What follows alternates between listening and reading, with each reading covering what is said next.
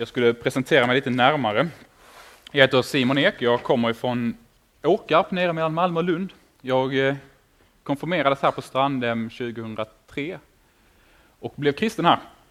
Och sen har jag varit eh, konfirmandledare här sex gånger sedan dess faktiskt. Och, eh, så jag tror jag har lite konfirmander här i, bland er, hoppas jag i alla fall. Eh, när jag fick den här frågan så, om att komma hit och hålla den här eh, kvällssamlingen så, så sa min fru till mig ganska snart att jag måste vara försiktig med talarstolen. Förmana mig lite, han gav mig två förmaningar. Simon, du måste vara försiktig med talarstolen. För hon vet att jag brukar stå och hänga ganska tungt på talarstolen när jag, när jag pratar. Och Puls har ju liksom något av en tradition i att ha rangliga talarstolar. Och eh, jag tror eh, att den här talarstolen gör mig väldigt nervös. Sen gav hon mig en förmaning till, det var att jag skulle vänta till sent med att ta på mig min ljusblå skjorta på grund av svettfläckar och så. Så eh, jag lyfte den förmaningen också. Hon glömde säga att jag inte skulle ta eh, strumpor i sandalerna. Så att eh, nu blev det så ändå kan man säga. Ehm, jag ska läsa ifrån Romarbrevets åttonde kapitel, verserna 9 till 25. Så ni får jättegärna slå upp det, annars så finns det redan på väggen. Um, ehm, I Jesu namn. Ni däremot lever inte efter köttet, utan efter anden, eftersom Guds ande bor i er. Den som inte har Kristi ande tillhör inte honom. Men om Kristus bor i er, er är visserligen kroppen död för syndens skull, men anden är liv för rättfärdighetens skull. Och om hans ande som uppväckte Jesus ifrån de döda bor i er, då ska han som uppväckte Kristus från de döda göra också era dödliga kroppar levande genom sin ande som bor i er. Vi har alltså skyldighet, bröder, men inte mot vår onda natur, så att vi ska leva efter köttet. Om ni lever efter köttet kommer ni att dö. Men om, men om ni genom anden dödar kroppens gärningar skall ni leva. Ty alla som drivs, drivs av Guds ande är Guds söner. Ni har inte fått slaveriets ande så att ni på nytt ska, skulle leva i fruktan. Nej, ni har fått barnaskapets ande i vilken vi ropar Abba, Fader. Anden själv vittnar med vår ande att vi är Guds barn. Men är vi barn är vi också arvingar, Guds arvingar och Kristi medarvingar, lika visst som vi lider med honom för att också bli förhärligade med honom. Jag hävdar att den här tidens lidanden väger lätt i jämförelse med den härlighet som kommer att uppenbaras och bli vår. Ty skapelsen väntar ivrigt på att Guds barn ska uppenbaras. Skapelsen har ju blivit lagd under förgängelsen, inte av egen vilja, utan genom honom som lade den därunder. Ändå finns det hopp om att också skapelsen ska, skall befrias från sitt slaveri under förgängelsen och nå fram till Guds barns härliga frihet. Vi vet att hela skapelsen ännu samfällt suckar och våndas. Och inte bara den, utan också vi som har fått anden som förstlingsfrukt. Också vi suckar inom oss och väntar på barnaskapet, vår kropps förlossning. Ty i hoppet är vi frälsta. Men ett hopp som man ser uppfyllt är inte längre något hopp. Vem hoppas på något som man redan ser? Men om vi hoppas på det vi inte ser, så väntar vi uthålligt. Herre, tack för ditt ord, tack för att vi får samlas kring det, Herre. Nu ber jag dig att du öppnar våra hjärtan, Herre, så att du får tala till oss. I Jesu namn. Amen. Den rubrik som jag har fått, är, eller som jag har satt för det här, det är Ny position, nytt mål. Det första vi läser, det är Ni däremot. Ni däremot, står det. Och detta däremot, det syftar bakåt i texten till det som står precis innan det som jag nu precis läste. Och där står det om det som kan ses som människans utgångspunkt i den här världen. Det står att människan har fått ett sinne, eller har ett sinne av död, ett sinne av fiendskap med Gud, av oförmåga att underordna sig Gud och oförmåga att behaga Gud. Det här är människans utgångspunkt i en fallen värld. Och det här är trots att Gud en dag kunde säga, när han hade skapat världen, det här är mycket gott.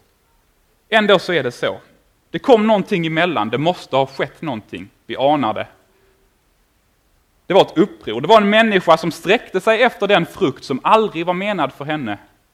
Tog och åt och gav åt sin man. Och så var upproret ett faktum. Människan gjorde uppror mot Gud och sa, vi vill själva bestämma. Vi vill själva bestämma vad som är gott och ont. Vi vill själva vara gudar i våra liv. Det var upproret mot Gud. Och det här fick konsekvenser naturligtvis. Den vanligaste missuppfattningen om kristen tro, det är att så länge man är snäll, så länge man gör mer gott än vad man gör ont, så kommer man till himlen. Då är det lugnt. Men det här är falskt. Och det bygger på en dålig förståelse av hur stort syndafallet var. Man tänker sig att det som skiljer människor från Gud, det är ett två meter brett dike som de flesta människor med lite god vilja kan hoppa över. Men så är inte fallet. Människan är inte separerad från Gud av ett två meter brett dike, utan av ett kilometerbrett helveteskap som inte ens Carl Lewis eller Bob Beamon skulle kunna hoppa över.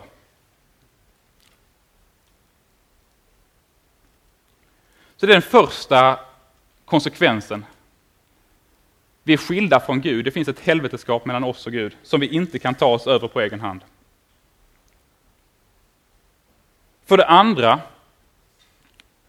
så förde syndafallet in en destruktivitet i människan. Paulus skriver ett sinne av död. Ett sinne av död. Jag tror vi kan känna igen oss i det här. Hur vi dras emot det onda. Hur det finns en destruktivitet i oss som skadar både oss själva och andra människor. I sin mildaste form så handlar det om att, man, eh, att det blir extra spännande att åka moped när man är 14 år. Det som är förbjudet, det blir spännande. I sin värsta form så leder det till mord, till krig, till självmord. Det finns en destruktivitet i oss som är verklig. Jag har två vänner som idag har varit på sin väns begravning. Han tog livet av sig. Han orkade inte leva längre. Det finns en destruktivitet i oss som driver oss mot döden.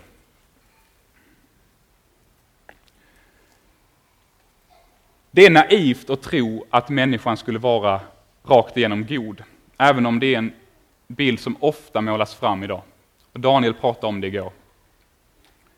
Men om människan var rakt igenom god, hur skulle då Isis kunna mörda och fördriva människor från deras hem i Irak? Hur skulle Boko Haram kunna kidnappa unga flickor och sälja dem som sexslavar om människan var alltigenom god? Hur skulle människor inom kyrkan kunna göra övergrepp på unga pojkar och flickor? Om människan var alltigenom god? Om människan var främst god? Svaret är att det är inte möjligt. Om människan var god så skulle vi inte se det här. Men människan är inte alltigenom god, utan vi har fått en destruktivitet, ett sinne av död implanterat i oss i och med syndafallet. Paulus skriver om sin egen ondska, att han, han gör inte det goda han vill, utan han gör det onda som han inte vill. Det är inte en liten sak att göra det onda som man inte vill istället för att göra det goda som man vill. Men steget är, som vi, många av oss har erfarit, väldigt litet. Föresatsen är god. Men det är bara något litet som kommer emellan och så gör vi det onda istället, som leder till fördärv. Det är mannen som ville älska sin fru, men som istället slog henne. Eller det är kvinnan som verkligen ville tala väl om sin man, men som baktalade honom. Det är sonen som ville besöka sina föräldrar, som verkligen ville, men som inte orkade. Och det är den unga mannen som ville älska sig själv, men som hatade det han såg i spegeln och sålde sin kropp till en främling. Det finns så många människor som har velat göra det goda. Men det ligger så nära till hands för oss att istället göra det onda. Det finns ett sinne av död, en destruktivitet implanterad i oss, som en sjukdom som sakta dödar oss bit för bit, både själsligen och kroppsligen. För det tredje skriver Paulus att i och med syndafallet så fick vi en fiendskap mot Gud. Alltså inte nog med att vi blev separerade från Gud av den här klyftan och att vi fick eh, ett dödligt virus av destruktivitet implanterat i oss. Dessutom så fick vi fiendskap mot Gud. Den enda som kan rädda oss fick vi fiendskap emot. Honom vill vi absolut inte vända oss till, för han är vår fiende. Jag ser framför mig en man som står vid den här eh, djupa klyftan, ensam, övergiven och arg, full av destruktivitet. Och det enda som kan rädda honom, det finns på andra sidan klyftan, men dit bort vill han absolut inte komma. För Gud är hans fiende. För den människan, för den mannen, så är läget hopplöst.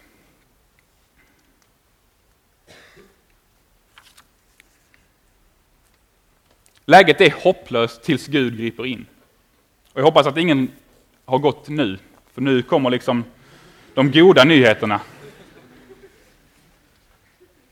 Läget är hopplöst tills Gud griper in. Och hur griper Gud in? Han griper in genom att ge ett löfte. Redan till Adam och Eva så ger han ett löfte. Det ska komma en som ska krossa ormens huvud, ställa allting till rätta. Han upprepar löftet till Noa, till Abraham, till Moses, till David, och sen uppfyller han löftet en gång slutgiltigt genom Jesus Kristus. När han dör på korset. När han dör med hela världens synder på sina axlar, då uppfyller Gud sitt löfte om räddning. Du får ge honom din synd och ta emot hans rättfärdighet. Detta skedde på en viss plats vid en viss tid i historien. Det är inget flum. Det är förankrat i historien och det har skett på vår jord. När Jesus dog, när Jesus utbrast det är fullbordat, då blev du fri. Där och då befriade han dig från den synden, den destruktiviteten.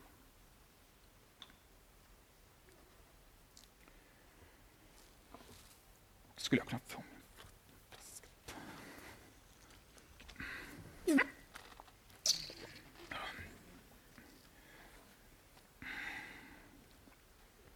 Det som, det här var den gamla positionen. Det här var den gamla positionen som synden ledde oss in i. Så var det kort om vad som för oss från den gamla positionen till den nya positionen.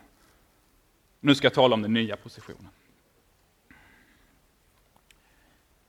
I och med att Jesus dog så revs skiljemuren ner emellan oss hedningar, vi som inte är judar och judarna.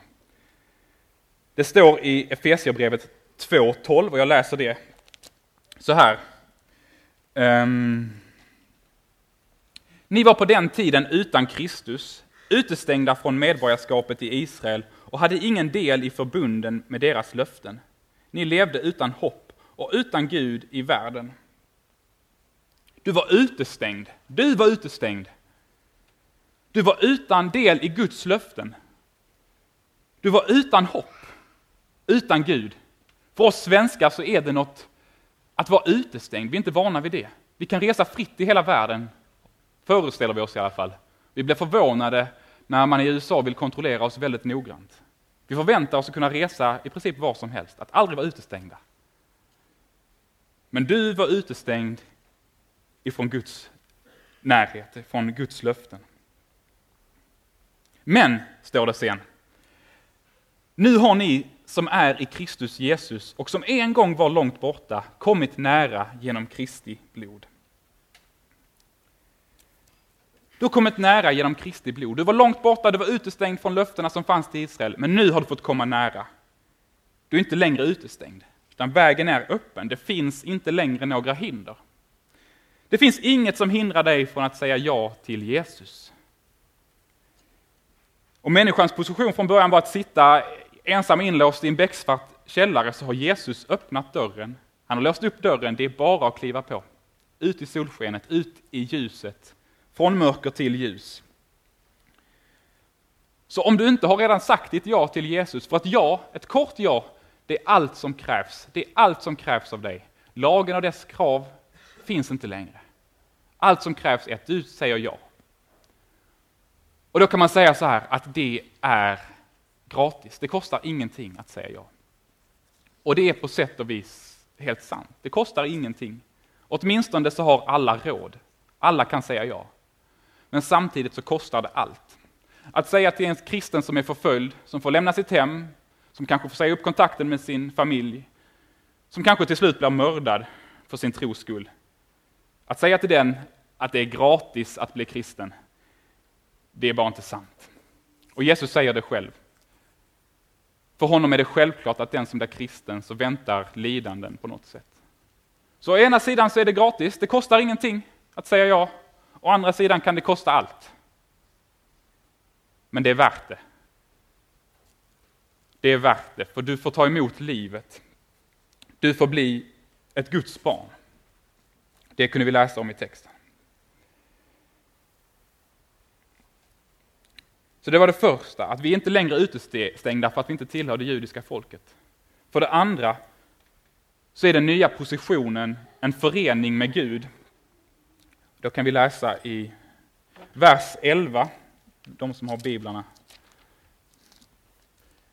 Den första delen av vers 11. Där står det så här. Och om hans ande som uppväckte Jesus från de döda bor i er. Hans ande som uppväckte Jesus från de döda bor i er. Det är en förening med Gud. Gud kommer till oss så nära så att han till och med bor i oss. Ett annat exempel på den här föreningen det är att vi är Jesu kropp på den här, i den här världen. Hans kyrka, hans kropp. Det är en djup förening med Gud. Inte på det sättet att vi skulle utesläckas eller att våra liv skulle upphöra, våra personer skulle upphöra som man tänker sig i en del österländska religioner. Absolut inte. Det är inte ett utsläckande av den, e-, den egna personen, men det är en djup förening med Gud. För det tredje så går vi ifrån livet till döden. I fortsättningen på vers 11 så står det så här. Och om hans ande som uppväckte Jesus från de döda bor i er, då ska han, han som uppväckte Kristus från de döda göra också era dödliga kroppar levande genom sin ande som bor i er. Vi har alltså övergått från döden till livet. Och Paulus logik den är ungefär så här.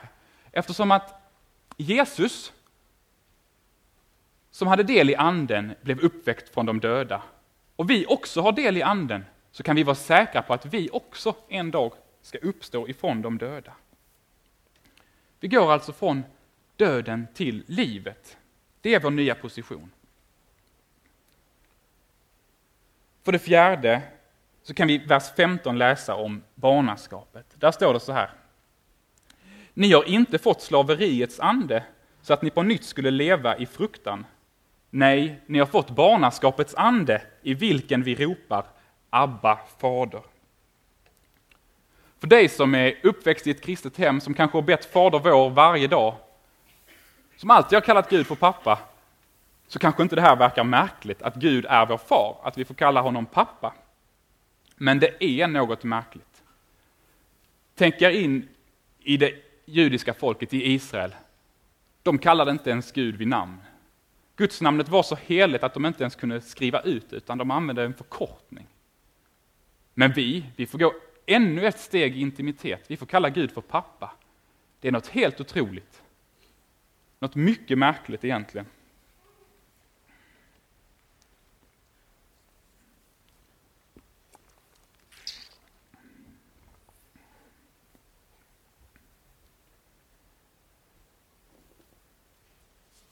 För eh, Rasmus som senare skulle bli Rasmus på luften, på luffen med hela svenska folket och vandra runt i sommarsverige tillsammans med Allan Edwall, så var det här att få bli någons barn, det var viktigt. Rasmus och kompisen Gunnar, de bodde på ett barnhem och på det här barnhemmet så fick de tre saker. De fick veta hut, de fick gröt och de fick luka betor. Det var inte en bra tillvaro. Så när de får höra att det ska komma ett härskap, det ska komma fint folk och de till och med äger en eh, affär där det sägs att det finns godis. När de får höra detta så vill de eh, genast, då börjar de fundera, är det möjligt att de kan välja oss? Kan vi få bli deras barn? Nej, säger Gunnar. För de väljer alltid söta flickor med lockigt hår. Och de gör sig så fina de kan, de tvättar sig. Och sen så står de uppradade där och härskapet kommer och inspekterar dem en i taget. Och det hela är så sorgligt så det riktigt skär i hjärtat.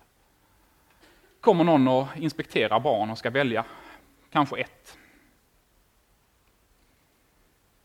Och mycket riktigt, härskapet väljer en söt flicka med lockigt hår. Rasmus och Gunnar blir lämnade utanför, utestängda. Rasmus tar saken sen i egna händer och ger sig ut och hittar en pappa på egen hand. Men för dem var det viktigt att få bli någons barn. Kanske är det också viktigt för dig att få bli någons barn. Att få ropa Abba, Fader till Gud. Så vi har alltså fått en ny position. En ny position som innebär att vi inte är utestängda, att vi kan förenas med Gud på ett djupt sätt, att vi går från livet, från döden till livet och att vi får bli Guds barn. Ny position. Och denna lite kritiska invändning från mig själv vill jag svara på med en kort berättelse. Den här nya positionen, den är som för en man som sitter ensam och övergiven på en öde ö. Han har ingen mat, han har inget vatten. För honom väntar bara en långsam, plågsam död av törst och hunger. Han har inget hopp, han är hopplös i den här världen. Men så plötsligt, bum, bum, bum, bum, bum, bum, bum, bum, bum. lät mer som en båt, det ska ett propellerplan. Plötsligt kommer det ett propellerplan flygande på ganska låg höjd. Från skärten hänger det en banderoll. På banderollen står det du är varken ensam eller övergiven. Vi vet var du finns och imorgon kommer vi med en båt och hämtar dig. Det var en ganska lång banderoll. Och för den mannen så har å ena sidan ingenting förändrats. Allting är detsamma. Han är fortfarande övergiven, eller ensam åtminstone, på en öde ö. Han har fortfarande ingenting att äta. Han har inga kläder. Men å andra sidan så har allting förändrats. Allting har förändrats. Han har fått ett hopp. Han vet att det ska komma bättre dagar. Och så är det för oss också. Å ena sidan har ingenting förändrats när du blir kristen. Du är fortfarande samma gamla du. Samma kläder, du bor på samma, i samma hus och du går på samma skola. Allting kan verka helt likt. Men å andra sidan har allting förändrats. Du har fått ett hopp. Du ska få gå in i himlen en dag. Du får ta emot det eviga livet. Å ena sidan har inget förändrats, å andra sidan har allt förändrats. Hela din tillvaro har förändrats. Du har fått en helt ny position. Och det kan vara viktigt att komma ihåg de dagarna när man tänker att är jag verkligen kristen? Allting verkar ju vara precis likadant som innan. Ja, allting kanske är på ett sätt precis likadant som innan. Förändringen kan inte mätas, den syns inte, men den är verklig. Precis som den är verklig för mannen när han har sett det här flygplanet.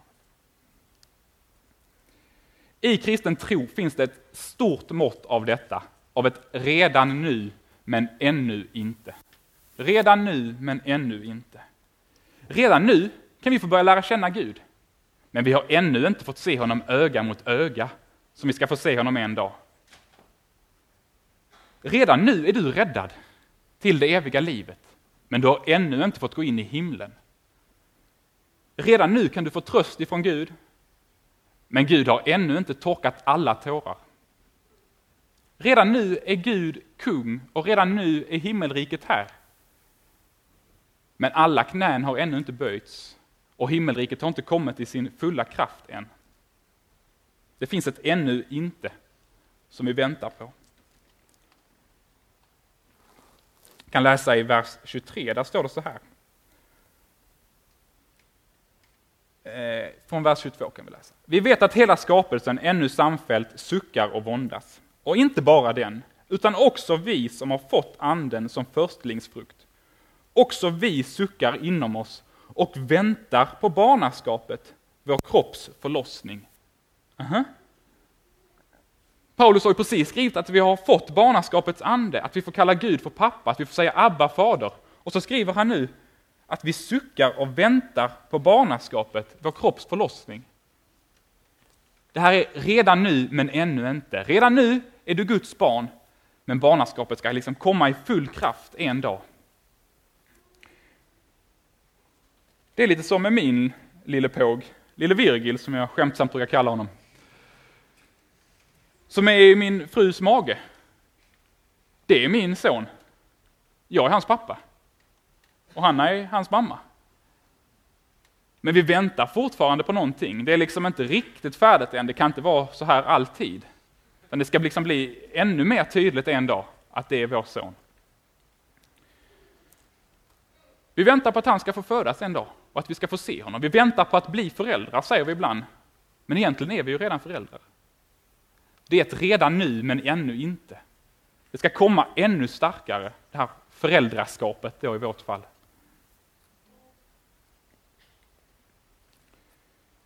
Och det är viktigt att ha med sig, att det finns ett redan nu, men ännu inte i kristen tro. Sammanfattningsvis så har vi alltså gått från att vara utestängda till att nu komma nära. Vi har gått ifrån att vara utan Gud till att vara djupt förenade med Gud. Vi har gått ifrån döden till livet. Det är vår nya position i Kristus.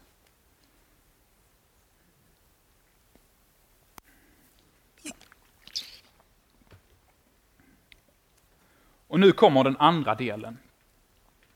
Kristus, målet med mitt liv, står det här som en överskrift. Det är så, när man får en ny position, då ändras också målen. Och det är helt naturligt, det kan vi tänka inom fotboll till exempel. Om man spelar i division, division 7 så har man ett mål, kanske att eh, klara sig kvar i division 7. Ibland, jag vet inte ens om det finns division 8 i och för sig, men ja. Det gör det ibland i Stockholm till exempel. Ehm, men om man spelar i division 2, då har man en ny position och då är inte målet längre att hänga kvar i division 7, liksom. utan då är det ett nytt mål. Så är det hela tiden. Om man går i första klass så är målet att lära sig att läsa. Men om man går i nionde klass så får man liksom ha lite nya mål. Då har man en ny position. Då får man kanske ha att man ska klara av att hinna läsa textremsan innan den försvinner på tvn. Eller så. Alltså, när positionen ändras så måste målen också ändras. Det är helt naturligt, det ser vi hela tiden om vi tänker efter. Och det gäller även här. Nu har vi fått en ny position. Det betyder också att målen med våra liv ändras. Från att ha varit kanske inga mål alls, eller till att ha varit eh, flest prylar när man dör, så blir målen någonting helt annat. Det blir att nå fram till det här ännu inte. Det blir målet. Det finns ett ännu inte som jag längtar efter och som jag vill nå fram till. Jag vill lyfta fram tre sätt som Kristus är målet för våra liv. Och det första är att Kristus är målet för äran i våra liv. Det är som om vi tar våra liv så här i händerna, eller jag kan ta mitt liv här i handen ungefär. Och så tittar jag på det och så frågar jag mig så här. Vad ska vi med detta till? Vad är detta bra för? Vad är målet med det här livet? Vad ska det användas till? Då kan svaret vara att målet med det här livet är att ära Kristus, att ge Jesus äran. Och hur gör man det då? Eller, det här kan komma som en chock för er kanske, att målet med ditt liv är inte att du ska bli upphöjd och stor, att människor ska se upp till dig, utan målet med ditt liv är att du får se upp till Jesus och att han får äras. Det kan komma som en chock, men så är det. Målet med ditt liv är inte att du ska bli så stor som möjligt, utan snarare som Johannes döparen sa, Jesus måste bli större. Han måste bli större och jag måste bli mindre. Det är han som ska ha äran med mitt liv. Hur gör vi då det? Gör vi det genom att eh, mycket högt och mycket starkt och med mycket uppsträckta händer sjunga lovsång? Ja, absolut. Givetvis gör vi det på det sättet. Gör vi det genom att lyssna på Guds ord och sen handla efter det? Självklart. Om Jesus säger till dig, gör gott mot människor, be för dem som förföljer dig. Och du sen gör det av den anledningen att Jesus har sagt till dig. Då ärar du honom. Då ger du Jesus ära. Jag tror också att vi ärar Jesus när vi använder de gåvor som han har gett oss. Och sen så kan det vara att vi har en fantastisk kreativitet och fantasi, eller att vi är väldigt intelligenta, eller att vi är mycket starka så att vi kan lyfta tunga stenar. Eller det kan vara att det kan vara nästan vad som helst. En gåva, en talang, någonting att förvalta som du har fått ifrån Gud. Alla goda gåvors givare. Om du använder det på ett, sätt, på ett bra sätt, gör det bästa av det, blir så stark som möjligt och lyfter så tunga stenar som du någonsin kan, så ger det Jesus ära. Det är lite som, om, som när man får en prydnadssak av sin kompis, till exempel en porslinskatt. Då gör det skillnad vad man gör med den här porslinskatten. Om man tar och lägger den, man får en gåva, och så tar man tack, och sen så lägger man den i en eh, papplåda och eh, lyfter upp den på vinden. Det, så kan man göra. Eller så kan man ta den här vackra porslinskatten och så kan man ställa den på hedersplatsen i, platsen i hemmet, uppe på tvn på den här duken som ligger där över. Så kan man ställa porslinskatten där, så att alla som kommer hem till en ser porslinskatten och tänker, vilken vän du måste ha som har gett dig en sån porslinskatt. Det gör skillnad vad vi gör med våra gåvor. Vi kan använda, vi kan ta emot dem och visa fram dem för att ära den som har gett gåvan. Och det gäller även med gåvorna vi får ta emot ifrån Jesus. Om det sen är att spela fotboll eller vad det är. Sjunga, räkna matte. Det gör ingen skillnad egentligen. Vi kan få göra hela våra liv till en lovsång till Gud och ge Jesus ära. Det var det första målet med våra liv, att ära Kristus. Det andra målet med våra liv, det är som när man tar sitt liv i handen och så frågar man, vad ska det bli av det här? Vad är målet med detta? Vad ska detta bli för någonting? Det kan bli lite olika. Men vad är målet? Då får ni, nu ska jag, nu får ni inte rätta mig om jag har fel, för att eh, jag vet egentligen inget om det här. Men jag tror, jag tror att det är så här när en krukmakare gör en servis. Jag tror att han, eller hon, drejar en kopp som han eller hon är väldigt nöjd med. Och sen gör han de övriga kropparna utifrån den här perfekta koppen som en målbild, som en modell för de övriga kropparna. Och så tror jag det är med ditt liv också. Alltså Gud har dig, ditt liv i sina händer. Han vill forma dig med sin ande. Och det han försöker forma dig efter, det är bilden av Jesus. Målet med ditt liv är Kristus, att få bli lik Kristus. Det är målet med ditt liv när du frågar dig, vad ska det bli av det här? Och då är inte målet att du ska bli lik Jesus i utseende till exempel. Eller äh, det är faktiskt inte ens målet att du ska bli lik honom i personlighet. Men däremot att du ska bli lik honom i kärlek, glädje, frid, tålamod, vänlighet, godhet, trohet, mildhet och självbehärskning. I det som vi kallar för andens frukter. Där ska du få likna Jesus. Du ska få bli lik honom. Och det kan få börja redan nu, att du blir allt mer lik Jesus genom att Gud hela tiden formar dig efter Jesus som målbild med hjälp av den heliga Ande. Och här har vi återigen ett redan nu men ännu inte. Vi kan få börja formas, men vi kommer kanske inte komma hela vägen fram redan här. Men en gång i himlen, då ska vi få komma hela vägen fram. Då har vi mycket tid på oss. Så det är ett mål med våra liv, att bli lika Kristus. För det tredje så är målet med våra liv att nå fram till Jesus, till Kristus, rent geografiskt nästan. Så om man tar sitt liv i handen så här och så frågar man, var ska det här bli av? Vad är det härs mål. Var ska, det bli, var ska detta ta vägen? Vart är det på väg? Vad är målet? Då är svaret Kristus. Du är på väg till Kristus. Så när jag rusar fram genom livet, knappt hinner stanna upp och någon frågar Simon, var är du på väg?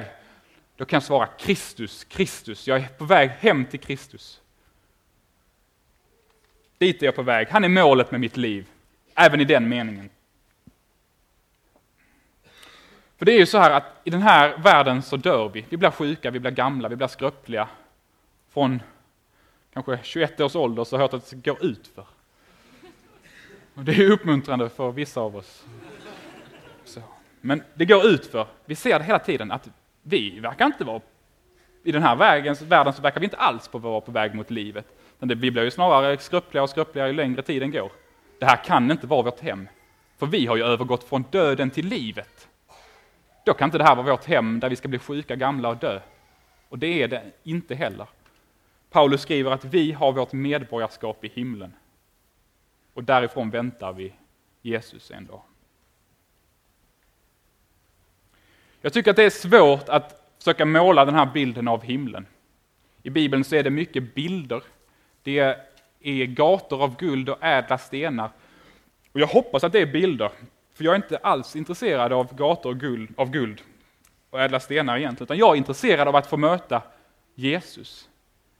Det är det som lockar med himlen, att få se honom en dag, öga mot öga. Att verkligen få se in i hans blick, se hans kärlek till mig. Att få möta honom, se han som han är, inte bara som en blek spegelbild, som en skugga, som vi kan ana honom här ibland. Men att få se honom verkligen i klarhet och jubel, som vi sjöng precis. Det är det jag längtar efter med himlen. Att få möta Jesus. Och då ska det vara slut på alla tveksamheter. Då finns det inget tvivel längre. Det behöver jag inte tveka på om han älskar mig. Det behöver jag inte tveka på om jag är hans barn längre. Då är det slut på alla sorger, alla tvivel, alla tveksamheter. Han kommer ta mig i sin famn och jag kommer gråta. Vilken underbar dag det ska bli. Och jag längtar verkligen dit. För det är målet med mitt liv. Att nå fram till Jesus.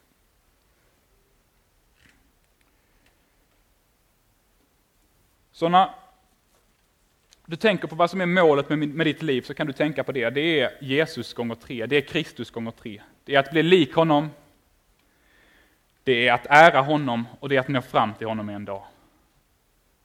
Så när någon frågar dig, eller om du frågar dig själv, vad är målet med mitt liv? Så är det Kristus, Kristus, Kristus.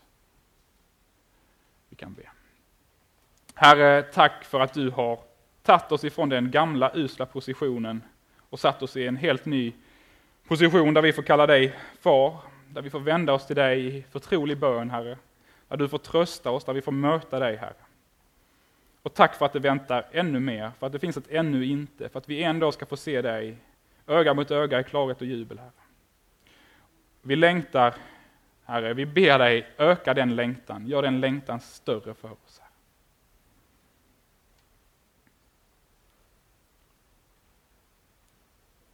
Amen.